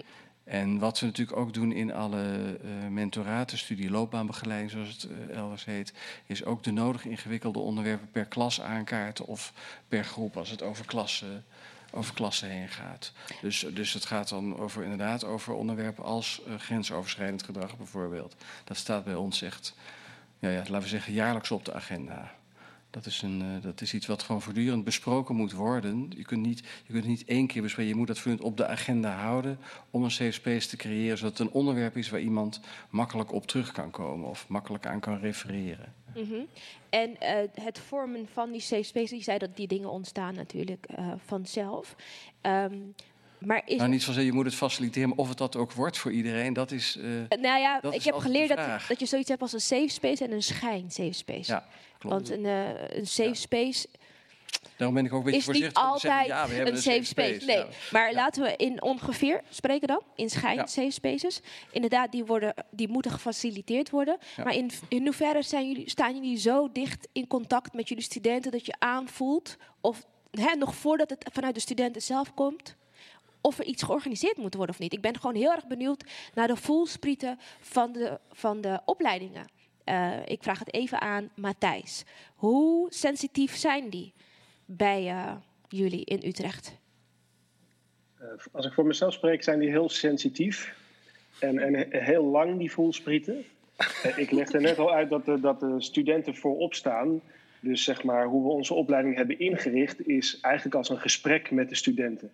Dus eerstejaars die bij ons binnenkomen, leg ik ook uit dat ons curriculum eh, goed moet zijn en niet vaststaat. En in gesprek ontwikkeld wordt. Dus als iets niet werkt, wil ik het meteen horen.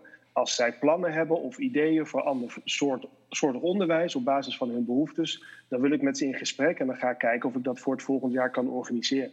Dus ik wil dat zij het gevoel hebben dat eh, het curriculum in samenspraak ontstaat. En dat gaat ook over alle eh, onderwerpen waar, waar ze mee spelen. Net als Ernst, die willen kunnen faciliteren, zodat zij, ja, eigenlijk is de bedoeling dat die opleiding een safe space is. Dat ze zich thuis voelen en gehoord voelen. Dat is het doel. Melissa.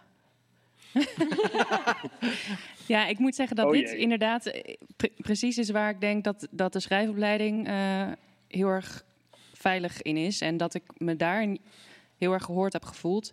Ik vraag me wel af of dat HKU breed binnen de hele HKU Theater aan de hand is. Want ik denk dat wij best wel een kort lijntje hebben altijd met Matthijs. Omdat het kleine klassen zijn en Matthijs erg veel aanwezig is. Ehm, Is maar- het dan een safe space? Nou, Nee, dus dan is het wel denk ik over een safe space. Is het dan een schijn safe nou, space? ik denk als het gaat over het vormgeven van je eigen opleiding... en waar Hanneke het net ook over had van het aanvang... dat dat eigenlijk niet zo'n punt is voor mij binnen de opleiding. Ehm, ik denk dat ik me soms wel afvraag waar ik heen kan... als ik niet weet hoe een gesprek te voeren met mijn klasgenoten over diversiteit bijvoorbeeld. Eh, dat dat een, een nieuwer gesprek is, dus een, een gevoeliger gesprek. En dat ik daarin geen safe space ervaar. Hm. Hoe zit het bij jou, Berpke? Heb jij het idee dat er eh, vanzelfsprekend of organisch eh schijn safe spaces worden georganiseerd? Nou ja, die zijn er op, eh, op heel veel verschillende niveaus. Dus je hebt het individuele mentoraat, het klassikale mentoraat. Dat, dat is om de week met een, met een klas en meerdere eh, twee docenten eh, die dat begeleiden. Ehm, er zijn vanuit de. Ik, ik merk, ik vind het heel interessant wat Melissa, denk ik, aan het einde zei. Dat, ehm, dat je voor heel veel dingen safe spaces kunt organiseren en dat het dat ook is. Maar dat dat dus blijkbaar niet lukt om dat over alle onderwerpen te hebben. Dat sommige gewoon ehm, in bepaalde samenstellingen toch kwetsbaarder zijn dan je zou willen. Ehm, dus ik snap wel eh, wat ze zegt. Ik, ik kan heel veel voor heel veel soorten met collega's een veilige omgeving en een open houding en luisteren en zoeken naar, naar oplossingen.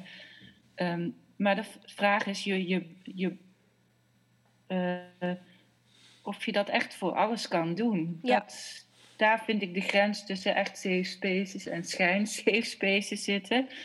Ehm, en voor iedereen, dus het werkt ook niet helemaal voor iedereen. Ja. Ehm, en wat ik wel prettig vind, is dat ook hier studenten initiatieven nemen. Dus als het gaat om, ehm, om, eh, om, om veiligheid, om MeToo-situaties, is er ook echt een clubje studenten bij ons op school die eh, zegt van nu willen wij eens met de studenten in gesprek gaan eh, over dat onderwerp. En, eh, en zonder docenten. En wij koppelen dat wel terug waar we op moeten letten. Of ehm, wat we zouden moeten verbeteren als, eh, als opleiding, als school. Ja. Ehm, dus daar ben ik wel heel blij om, omdat dat onderwerp gaat natuurlijk over verhouding docenten-studenten. En dan kan je als docent wel zo open mogelijk erin staan. Ehm, maar toch heeft in het verleden op allerlei manieren gebleken dat dat blijkbaar geen eh, altijd veilige verhouding is. Ja. Eh, Ik wil er wel op aansluiten. Ja. Hanneke weer hier. Hey, hallo. Ehm, eh, inderdaad, ik zat ook al na te denken over MeToo en over grensoverschrijdend gedrag. En wat ik interessant vind, we benadrukken hier eigenlijk het gebrek aan verbindingen. Maar ik moet ook denken aan juist... School is ook wel als het werkveld in die zin dat wij alles van elkaar weten. Dus als er iets mis is op Maastricht, zoals... Sorry, ik ben even heel boud, maar zoals... eh, ik weet niet hoe lang geleden, het is vier jaar geleden ongeveer... eh, tijdens MeToo, eh, Ja. met die Ja. docent. Dat, dat wist, eh, nou ja, gewoon dat wist iedereen. Dat het al aan de hand was. En dat wisten niet alleen mensen op Maastricht, maar dat wisten ook mensen op Arnhem, op de Atka enzovoort. Omdat wij zijn ook met elkaar in gesprek.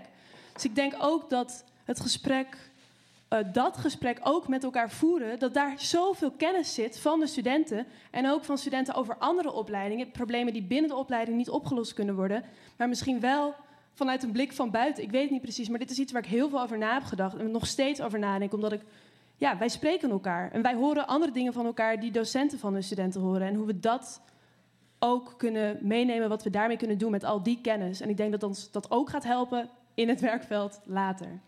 Dus als ik het goed begrijp, eh, wil jij die kennis hè, die jullie af en toe met elkaar delen, Mhm. delen met zowel studenten, dus je medestudenten, als de docenten en de opleidingshoofden en het werkveld? Ik, nou, het werkveld zou ik nog even daar laten. Maar er zit iets in dat studenten veel meer van elkaar weten.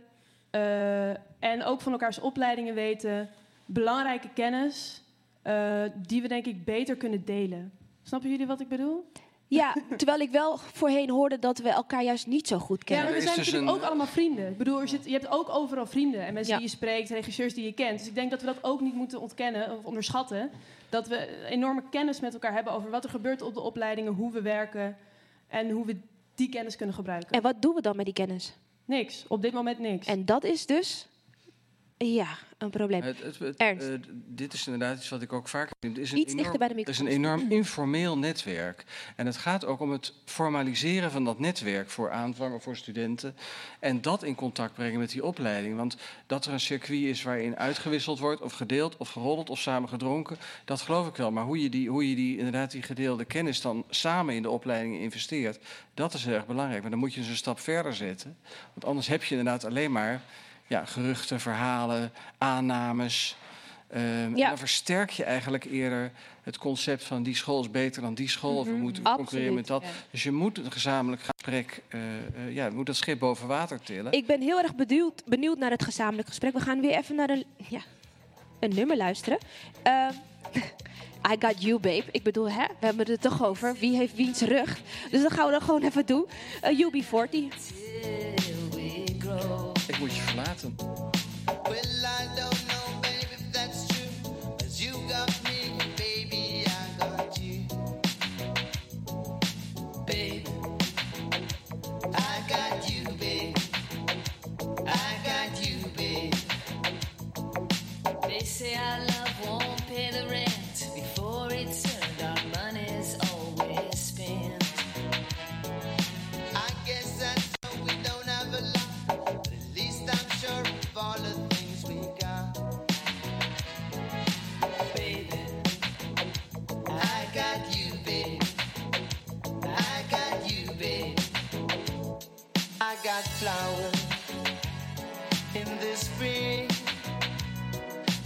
I.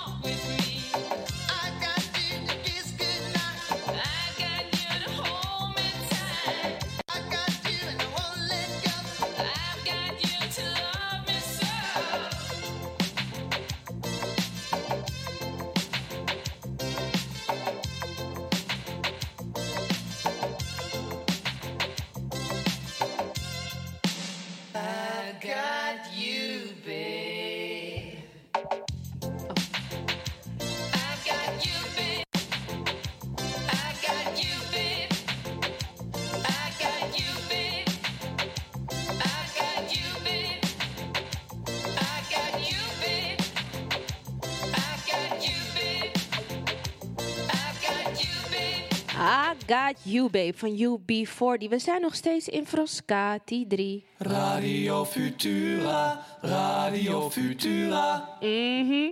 En eh, we zitten nu met één iemand minder.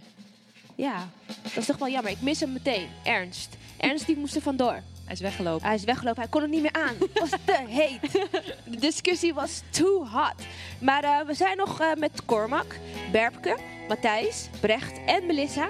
En eh, we hebben het eigenlijk zojuist gehad over waar ontbreekt het gesprek. Eh, van wie komt het gesprek? Van wie komen de onderwerpen, de behoeftes? Van wie komt het aanbod? Wie wordt het gefaciliteerd en wie niet? Wat weten we niet? Waar zijn de blinde vlekken? We hebben het niet echt over blinde vlekken gehad, maar dat bedoelde ik wel eigenlijk. Wat zien we niet als school? Ehm, en misschien ook, wat zien de studenten niet, wat de afdelingshoofden wel heel graag doen? Want als ik zo Matthijs hoor, dan eh, is hij heel hard bezig om in ieder geval zijn opleiding ehm, in het nu te zetten. Als ik het even zo mag samenvatten, Matthijs. Ik doe mijn best. Oh. Ehm, en ehm, is Berbke heel erg blij met het aanbod van de studenten. Eh, Hanneke die had het over, maar wij zijn met elkaar in gesprek. We horen elkaar. We horen vooral de geruchten van elkaar scholen. En toen zei Ernst, en dit is echt heel kort samengevat. Ja, maar misschien is dat het probleem.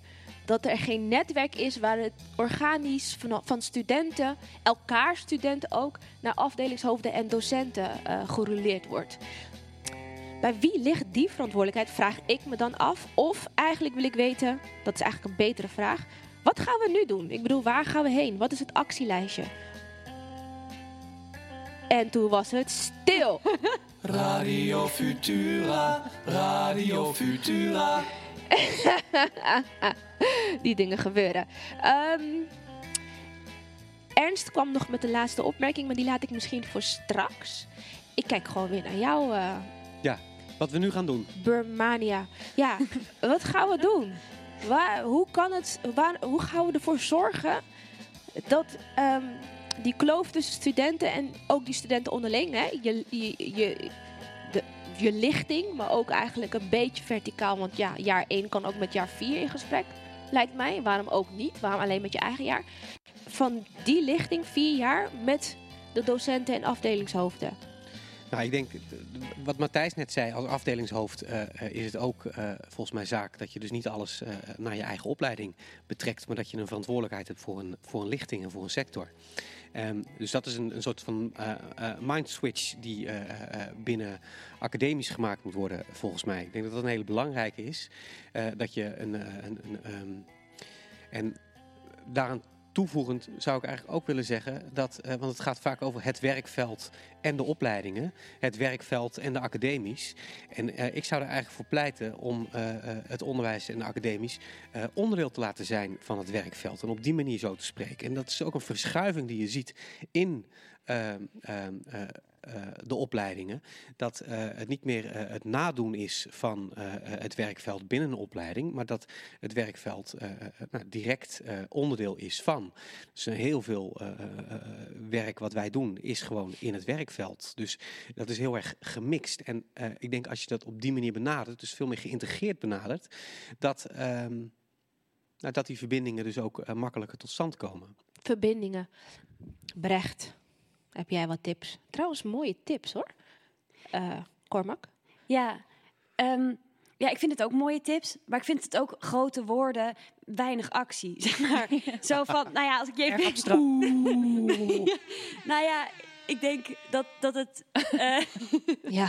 Ja, vertel, vertel. nou ja, ik denk dat, dat, dat, dat, dat, het, dat het heel mooie gedachten zijn. En ik denk dat het heel goed is als alle opleidingen een soort doordrenkt worden van dit gedachtegoed. Maar tegelijkertijd moet er ook wel een soort actie komen of zo. Want we kunnen dit wel denken, maar ja, en misschien moet ik dan ook zelf mijn, mijn eigen verantwoordelijkheid nemen en daarin met voorstellen komen. Maar ik denk ook dat dit gesprek wat nu gevoerd is met vier hoofden, dit zijn niet alle hoofden. En ook niet een vertegenwoordiger van alle opleidingen. Dit gesprek is nu een, een mini-gesprek van iets wat een maxi-gesprek hoort te zijn eigenlijk, denk ik. Dus ik denk dat zoiets heel concreet voor mij wel een wens is om te kijken... kunnen we dit breder trekken dan alleen de vier mensen die we nu bereikt hebben... eh, om hier te zijn, zeg maar. En bij wie ligt die actie? Nou, ik denk dat daarin een, ja, gedeelde verantwoordelijkheid is. En ik hoop dat dat na vanavond ook een soort van duidelijk is geworden dat we die verantwoordelijkheid graag delen. Want bijvoorbeeld bij aanvang, daar heb ik nu met Hanneke contact over. Dat ik denk dat dit iets is wat vanuit, vanuit zo'n actiegroep zeg maar, kan komen. Maar tegelijkertijd moet het belang wel gevoeld worden bij de opleidingen. Want anders kom je er ook niet doorheen, denk ik. Ja, en misschien ook bij de, bij de scholen überhaupt. Dus bij de hele faculteit theater van alle verschillende steden. Ja, ik ben het met jullie eens hoor. Eh, eh, er is een theaternetwerk, ehm, zoals we het even over de theatervak hebben, waar alle directeuren van eh, de theateracademies in zitten. Ehm, daar ligt feitelijk een, een, een, een- een bal volgens mij, of die zouden we daar neer kunnen leggen. En als opleidingshoofd daar wat druk op kunnen uitoefenen. Hanneke. Dat daar gesproken gaat worden. Interessant, want ik zit opeens te denken van... de studenten praten met elkaar voor verschillende opleidingen, kan veel meer. De hoofden praten met elkaar voor verschillende opleidingen, kan veel meer. Maar moeten we niet een gesprek organiseren met een groep studenten... en de hoofden van Mhm. verschillende opleidingen? Want ik heb de hoofden van andere opleidingen, behalve jou, Cormac... allemaal nog nooit ontmoet. Het zijn allemaal hele, bijna personages van allemaal verhalen... die ik ooit heb gehoord. En ik heb allemaal oordelen en meningen over die opleidingen... maar ik weet niet wie zij zijn en waar zij voor staan. Dus ik denk dat dat ook heel interessant zou kunnen zijn. Zodat de hoofden de blinde vlekken van de studenten kunnen opheffen en de studenten die van de hoofden. En dat we niet hetzelfde gesprek voeren de hele tijd. Ja, en binnen dezelfde kringen ook, ja. Dus Mijn wens, mijn wens zijn, zou wel zijn dat het daar niet over gaat, maar gewoon over elementaire onderwerpen van het vak. Zoals Mhm. jullie het hebben over veiligheid of over diversiteit of Ja. over hoe het werkveld zich nu ontwikkelt in deze tijden. Eh, dat zijn wel hele grote onderwerpen die Mhm. ik nu benoem. Maar eh, ik, ik zou het heel fijn vinden als, als dat een gezamenlijkheid zou zijn Ja. eh, die we Ja. delen. Ehm, Dat we ons verhouden tot hetzelfde daarin. ja, Ja. ja. Ja, dat, we, dat we ons allemaal verhouden tot deelgebieden van ons vak. Mhm. tot de ac- actualiteit van ons vak. Ja. Ehm, ik, we pogen dat school vaak in, in kleine eh, groepjes. Ik merk ook dat, ehm, dat de grootsheid ehm, intimiderend werkt, hoewel mijn wens net zo groot is als die van jullie.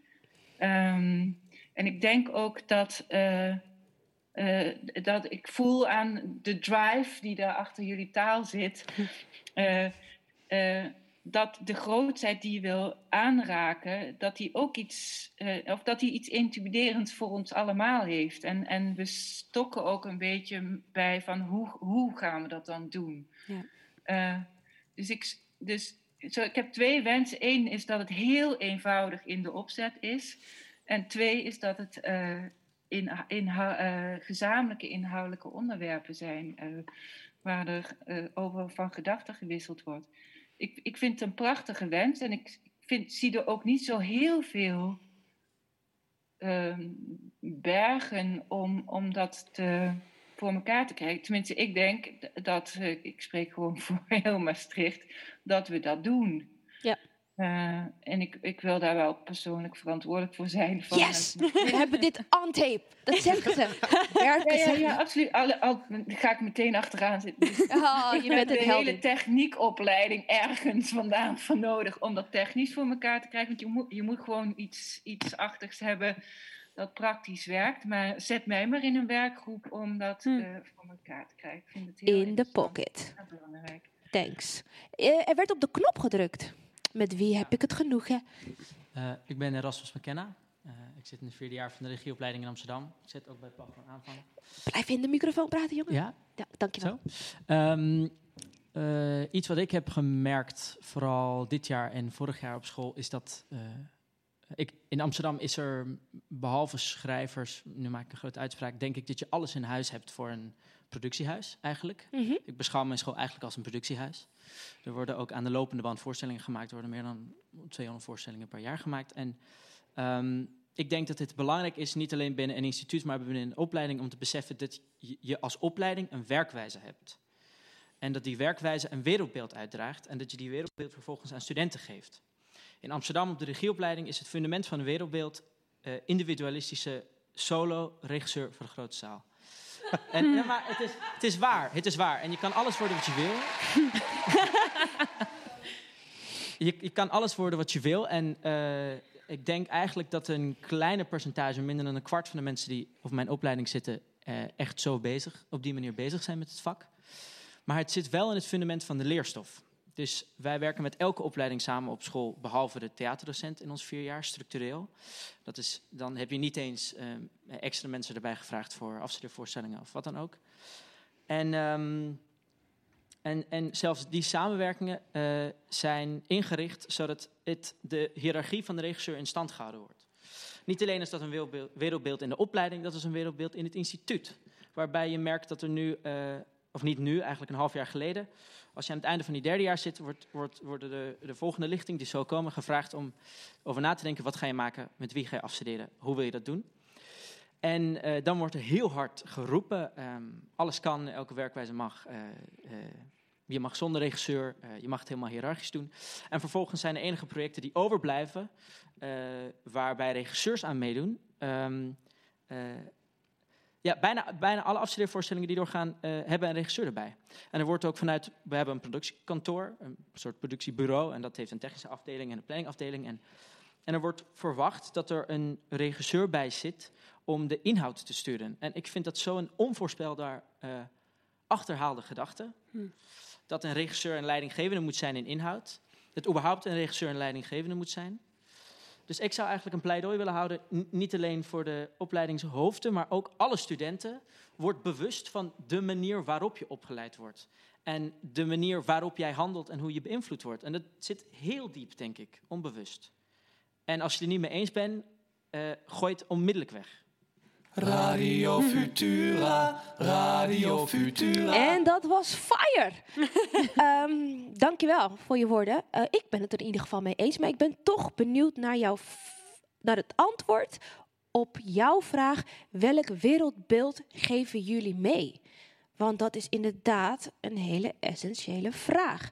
Dus vanuit je eigen opleiding, vanuit je eigen instituut, of eigen, hè, daar waar jullie voor werken. Welk wereldbeeld, Matthijs, geef jij mee? Ja, ik was al bang dat je die vraag aan mij zou stellen. Ik hoor je gewoon te weinig. Dat vind ik jammer.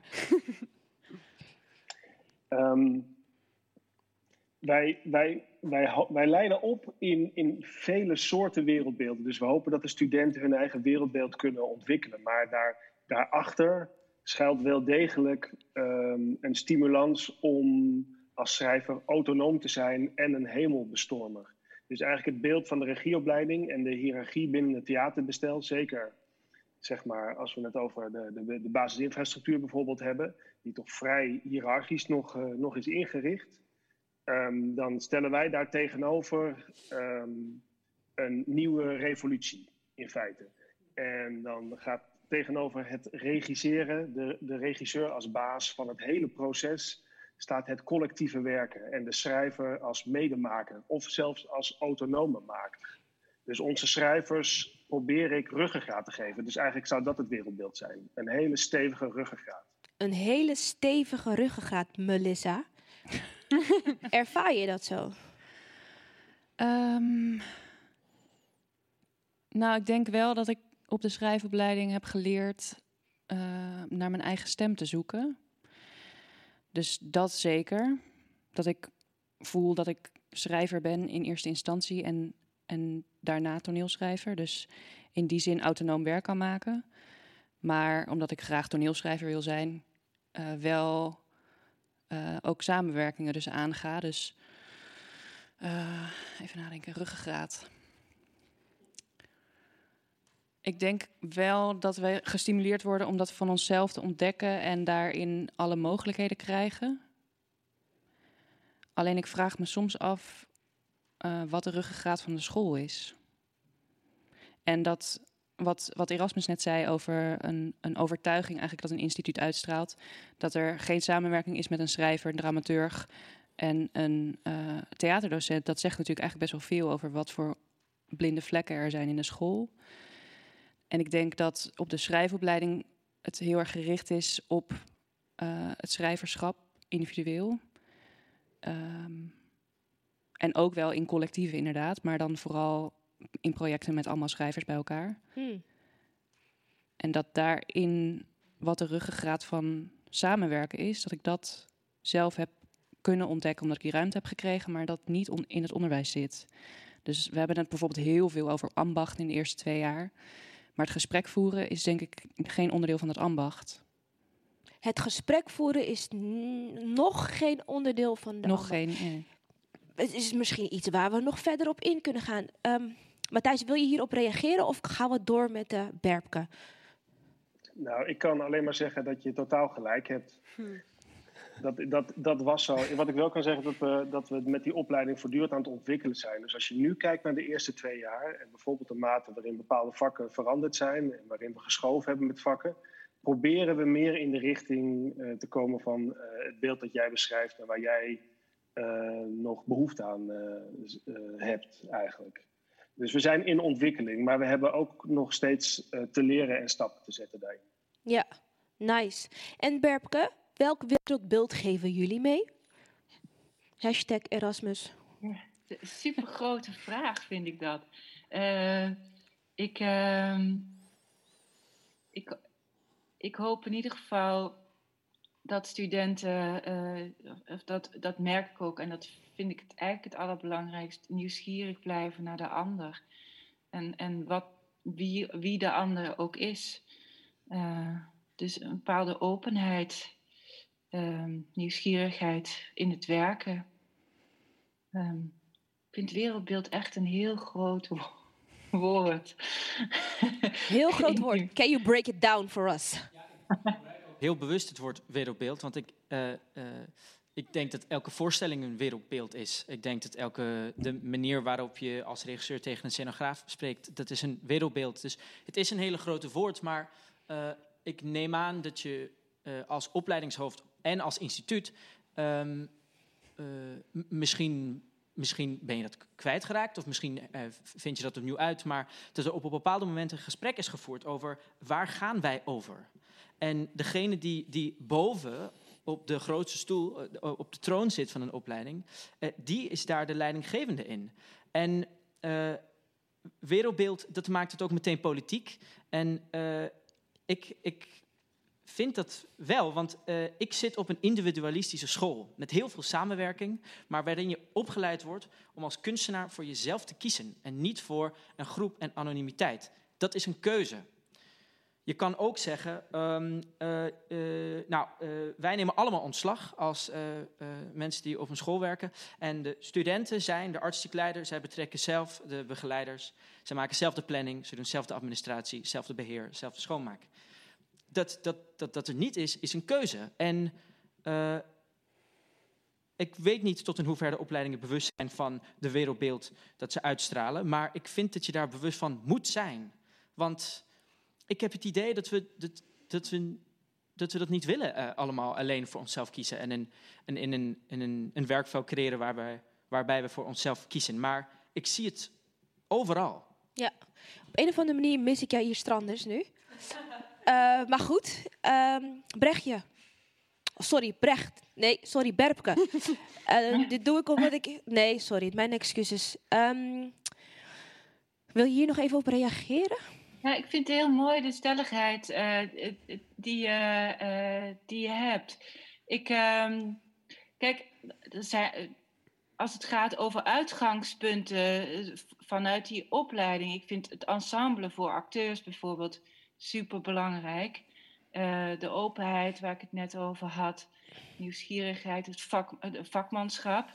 Eh, niet voor niks eh, werd straks over waarom hebben we niet met z'n allen contact met elkaar, is omdat je ook de verdieping binnen je eigen opleiding zoekt. Ehm, En, en, en ik, ik vind het. ehm, het, is, het is. Aan de ene kant heb je, heb je gewoon eh, allemaal drijfveren waarom je voor dat vak wil gaan of de, de opleiding, eh, de ultieme opleiding voor jouw studenten wil gaan. Eh, en aan de andere kant is het ook wel interessant om te horen hoe de buitenwereld kijkt naar de studenten van die opleiding. Die kenmerken zich daar en daar en daardoor. Mijn, dus onze drijfveer z- zit veelal in het ensemble. Ehm, zit veel, we hebben eigenlijk vijf pijlers waar we, waar we steeds op, eh, op werken. En dat is eh, teksttoneel, improvisatie, maatschappelijk engagement, film en ehm, eh, eh, fysiek theater. Dus, maar dat, dat, heb, dat is niet het wereldbeeld waar jij het over hebt, toch? Nee. Nee. Ik, nee, zeker niet. Ik denk dat het wereldbeeld ook als een visie gezien kan worden. Of als een filosofie waar jullie achter staan. Ik, Mag als ik het zeggen? zo mag samenvatten. Ja, je mag zeker wat Ja, mag ik zeggen over Ja, het wereldbeeld van eh, eh, eh, wa- wa- wat ik hoop? Allereerst is het natuurlijk zo dat we als opleiding leg je ergens een kader neer. Je moet een keuze maken. Ik ben heel blij met de opmerking dat het politiek is. Want wat mij betreft is onderwijs buitengewoon politiek. Alle keuzes die we maken zijn politieke keuzes. En het is heel belangrijk om daar bewust van te zijn. De keuze die wij gemaakt hebben als opleiding, of de, de, de transitie waar we in zitten als opleiding, ik ben nu vier jaar studieleider, ehm, is dat, eh, dat wij zeggen dat, eh, dat je niet autonoom bent. Dat je niet op jezelf staat. Dat je altijd in een context zit. Ehm, en die contexten eh, eh, die eh, geven voor een stuk als eh, opleiding eh, vorm. En eh, eh, eerst doen we dat meer als opleiding, want dit zijn contexten waar je mee te maken gaat hebben of waar je in de toekomst eh, een rol in gaat kunnen spelen. En eh, in hun derde en vierde jaar van de opleiding eh, gaan eh, de studenten die contexten voor hunzelf eh, verder vormgeven. Ehm, maar ik denk het allerbelangrijkste wat ik daarin, als het gaat over dat wereldbeeld, is eh, eh, wij zijn niet autonoom. Eh, wij geloven niet in autonome kunst, wij geloven niet in autonomie. Ehm, we zijn altijd in verbinding. Punt. ja, dat geloof ik. Ehm, toch wel, eh, denk ik, ik vind dit eh, toch wel een van de meest kernachtige vragen. Dus ik denk dat we die gaan opschrijven, sowieso, hier op een van de doeken. En ik wil toch nog even kijken naar mijn twee soldaten naast mij. Of ze echt alles eruit hebben gehaald wat jullie eruit wilden halen, want daar gaat het om. Hebben jullie de vraag gesteld die jullie echt wilden stellen? Hebben jullie gehoord wat jullie willen horen? Hebben jullie nog behoefte aan een beweging? En bij wie? Ik denk dat ik nog wel benieuwd ben naar wat de eerste stap is nu. Ik heb een aantal opgeschreven, maar heb jij nog een vraag? Nee, ik ben daar eigenlijk ook benieuwd naar. Dat ik hoop dat, het, dat, het, dat dit een, een begin is. Zeg maar niet een punt, maar een start van iets. Ja. Dus eh, we hebben ongeveer verzameld dat er een mind switch nodig is. Heb jij volgens mij gezegd, eh Cormac? Mind switch binnen de academies, daar, daar start het mee. En ehm, het is het we- werkveld versus de opleiding, dat is het niet. Het is de wer- het werkveld en de opleiding. En dat die veel meer samen moeten komen. Dat heb ik als punt 2. Punt 3 had ik Eigenlijk punt 2. Onderwijs en academisch onderdeel van het werkveld zijn.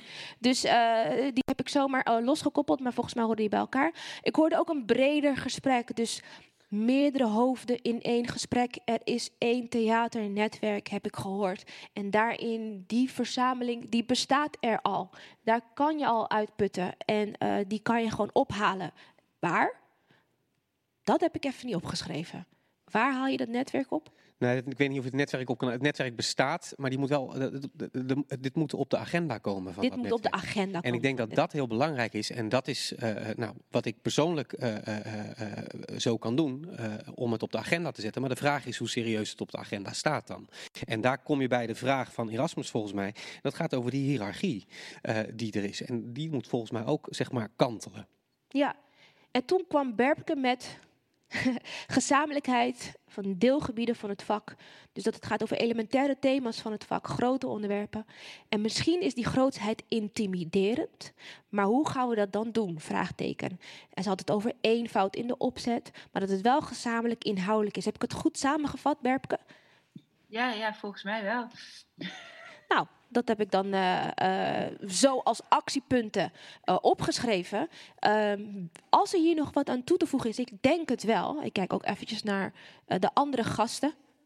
Ja, absoluut. Mag jij wat zeggen? Over na te denken. Dat ik hoop dat die hiërarchie binnen het theaterveld zo erg gekanteld gaat worden dat we over een paar jaar niet alleen maar regisseurs als artistiek leiders hebben bij biesgezelschappen, maar ook een schrijver of een dramaturg of een mimer of een acteur. En dat, eh, ja, dat dat ook echt verandert. Dat regisseurs niet langer een soort van de leiders zijn van het theaterveld, maar dat dat gaat verschuiven. Maar dan is het een soort cultuurverandering binnen eh, het theaterveld. Wat ook nodig is. En dat is waarschijnlijk de mind switch die jij ook noemde, eh Cormac. Jo, het is al half negen. Ja. Ja? We zijn er. Dat ging snel, hè? Ja, heel snel. Ja, ben je een beetje tevreden? Ja, heel. Ik vind dat, dat vooral het belang dat dat nu breder, breder is dan alleen het gesprek dat Melissa en ik hebben gevoerd. Dat, dat vind ik heel belangrijk. En ik denk dat we aan het begin staan van iets wat nog een hele lange nasleep gaat krijgen. Dat hoop ik in ieder geval. Ja.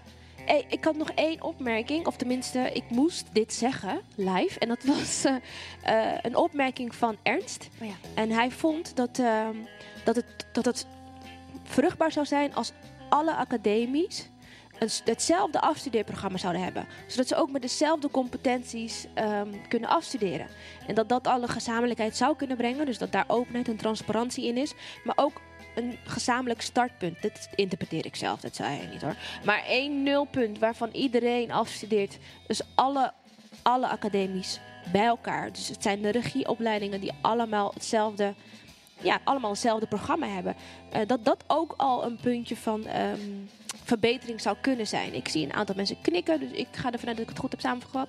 Ja, dat Ja. zei hij ook. Eh, ja. Verder nog laatste woorden voor vanavond. Nee. Ja, we zijn tevreden. Dan ben ik hartstikke blij. Nou ja, dit was Radio Futura versus It's Festival. En ehm, morgen zijn we er weer. Inderdaad, met Gian. En eh, Gian doet eigenlijk de derde. Hè, het derde gesprek tussen... Vier, uit, vier mensen uit de lichting. We gaan eh, zeg maar dan nog interner. Nu zijn we steeds met mensen uit het werkveld. In hoeverre dat bestaat, het werkveld en wij los. Maar eh, over het activisme binnen onze lichting en ook onze idealen. En wat wij willen en hoe we daarvoor staan. En dat gaan we allemaal morgen horen. Dus luister mee. Om 7 uur zijn we weer hier. Je mag ook langskomen. Nogmaals, we zitten in Frascati 3. Dat zou heel, heel gezellig zijn. Eh, ik wil ook Hanneke bedanken. En Jamila. En Erasmus. Maar Erasmus is, eh, is in, intussen al weg. Ehm, jullie kunnen dit terugluisteren. Vertel je vrienden. Vertel iedereen. Al je medestudenten. Want eh, ik denk dat ze hier wat bruikbare informatie kunnen halen. Dankjewel. Ook Berpke. Dankjewel ook Matthijs. Ehm, ook al waren jullie hier niet, jullie waren er toch wel echt bij. Hebben jullie ook genoten? Absoluut. nou, oké, dat was het. Dankjewel. Mijn naam is nogmaals Dionne van Wij. En eh, ik zie jullie volgende week. Radio. Futura. Met Dionne Verwij. Dionne Verwij. En Jan van Guns. Jan van Guns. Frascati. Dionne Verwij. Radio Futura. Gian van Gunsven.